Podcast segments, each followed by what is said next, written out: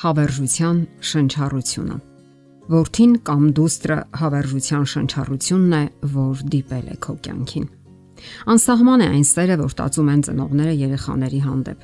Սակայն ժամանակը չի խնայում ոչ մեկին, նույնիսկ մեր զավակներին։ Նրանք մեծանում են ու կյանք մտնում։ Նախքին թոթովախոս ոտքի վրա հազիվ կանգնող մեր զավակները մի օր հեռանում են տանից։ Մի օր մենք զարմանքով ենք նկատում, թե ինչպես են տղաները սկսում դարպասել մեր գեղեցկուհի աղջիկներին։ Անցնում է եւս մի փոքր ժամանակ եւ մեր աղջիկը ներկայացնում է իր փեսացուին։ Ահա թե ինչու ծնողները պետք է պատրաստված մոտենան այդ օրվան եւ հանկարծակի չգան։ Չէ որ մեր զավակները մի օր ոդք են դնում այն հրապուրիչ ճանապարհին, որը կոչվում է հասուն կյանք։ Իսկ մենք թախիծով հետևում ենք, թե ինչպես են նրանք լքում ծնողական բույնը։ Զավակները ուրախություն են ծնողների համար։ Տղաները յուրովի առնականության կյանքում իրենց ուղին հարթելու պայքարում, իսկ աղջիկները ցնցում են ծնողի սիրտն իրենց քնքշությամբ ու մեղմությամբ, սիրով ու բարությամբ։ Եվ մեծանալով նրանք կանացի ջերմությամբ են լցնելու իրենց հայրական տունը։ Սակայն մի օր գալիս է հայրական տունը լքելու ժամանակը։ Երեխաները շարունակում են իրենց հիշողության մեջ վերականգնել այն հրաշալին ու գեղեցիկը, որ միայն կարող է տալ հայրական տունը։ Հիշողություններ ու հույզեր, առաջին բառեր, թոթով քայլվածք, առաջին քայլեր, մանկապարտեզ, դպրոց։ Երբեք չմոռացվող հիշողություններ ու հույզեր, անսահման գեղեցիկ ու երբեք չխամրող։ Գոյություն ունեն միայն երկու արժեքներ, որոնք մենք կարող ենք փոխանցել մեր զավակներին։ Դրանցից մեկը արմատներն են, մյուսը թևերը։ Գրել է Holding Carter-ը։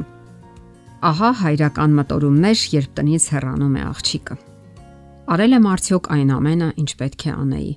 Ինչ դեր պետք է ունենամ ես այդ պահից։ Ինչպես կարող եմ օգնել նրան եւ պետք է արդյոք օգնեմ։ Այս եւ նման հարցեր անընդհատ մտատանջում են ինձ։ Ճիշտ չէ, որ միայն երեխաներն են հասունանում։ Ծնողները նույնպես պետք է հասունանան։ Մենք մեծանում ենք մեր զավակների հետ միասին։ Մենք տեսնում ենք, թե ինչպես են նրանք սովորում, եւ ինքներս էլ ենք սովորում, դառնում ավելի հասուն։ Մարտին Ֆիերոն գրում է. այն հայրը, որ խորհուրդներ է տալիս ավելին է, քան հայրը։ Ես էլ եմ ցանկանում իմ հայրական խորհուրդները տալ քեզ։ Միակ բանը, որ ես ցանկանում եմ, այն է, որ դու երջանիկ լինես Երջանկությունը դա անverջ ծիծաղը չէ, այլ կյանքի իմաստը հասկանալը, հստակ նպատակներն ու սեփական ծրագրերի կոնկրետ իրականացումը։ Ահա թե ինչու ես հույս ունեմ, որ դու կյանքի կկոչես քո այն բոլոր ցանկություններն ու դիտավորությունները, որոնց մասին այնքան խոսում էիր։ Աղջիկս, ես այնքան եմ ցանկանում, որ դու ունենաս բավականաչափ համառություն, որն այնքան անհրաժեշտ է կյանքում, ինչպես նաև բավականաչափ ամբողջականություն, որpիսի համեստ լինես։ Իսկ համեստ լինել նշանակում է ընդունել, որ մենք սահմանափակ էակներ ենք եւ միևնույն ժամանակ չմոռանանք մեր ընտունակություններն ու հնարավորությունները։ Նա ով կյանքում նպատակ ունի, առաջ է գնում առանց նահանջելու եւ չի հանձնվում։ Նա ով հետևում է նախանշված ուղուն, հասնում է նավահանգիստ, չնայած բոլոր տեսակի հողմերին։ Դու կարող ես քայլել կյանքում, քո անհաջողությունների մեջ մեղադրելով ողջ աշխարհին։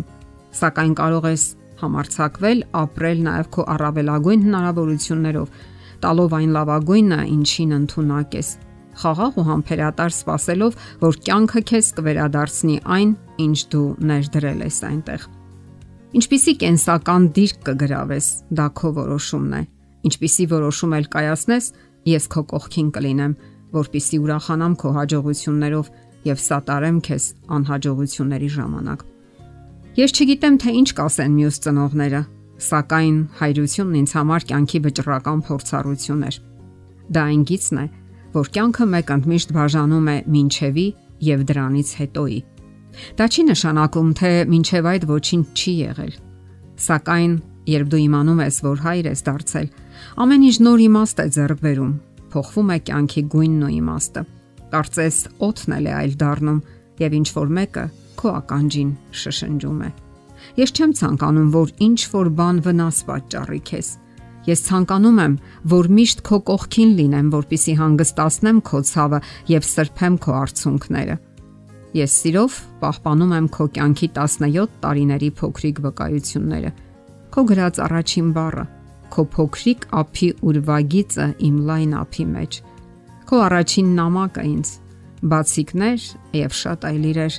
որոնք մեկ առ մեկ չեմ կարող թվարկել։ Երբևէ ես դրանք կփոխանցեմ քեզ, բացատրելով յուրաքանչյուր առարկայի նշանակությունը,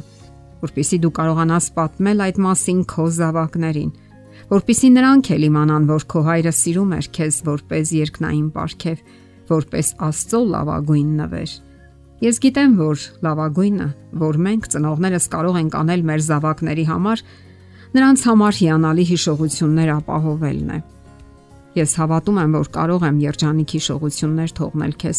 որ դու կունենաս հիշողությունների մի ամբողջ գանձարան, որոնց կարող ես դիմել, երբ հանկարծ յանքը դառնա տխուր եւ քեզ համար ծանր լինի նայել աշխարհին, իսկ ապագան թվա անհեռանկար ու անհույս։ Քո յուրաքանչյուր արցունքը յուրաքանչյուր վիշտն ու ցավը աստեղի ցակոսներ են, որ ցավ են պատճառում քո հորը։ Եղիր երջանիկ։ Այս իմաստուն եւ հուզիչ նամակը ծնողական սիրո լավագույն օրինակ է եւ այն կարող է օգտակար լինել բոլորիս։ Եթերում ընտանիք հաղորդաշարներ։ Ձեզ հետ է Գեղեցիկ Մարտիրոսյանը։ Հարցերի եւ առաջարկությունների համար զանգահարել 033 87 87 87 հեռախոսահամարով։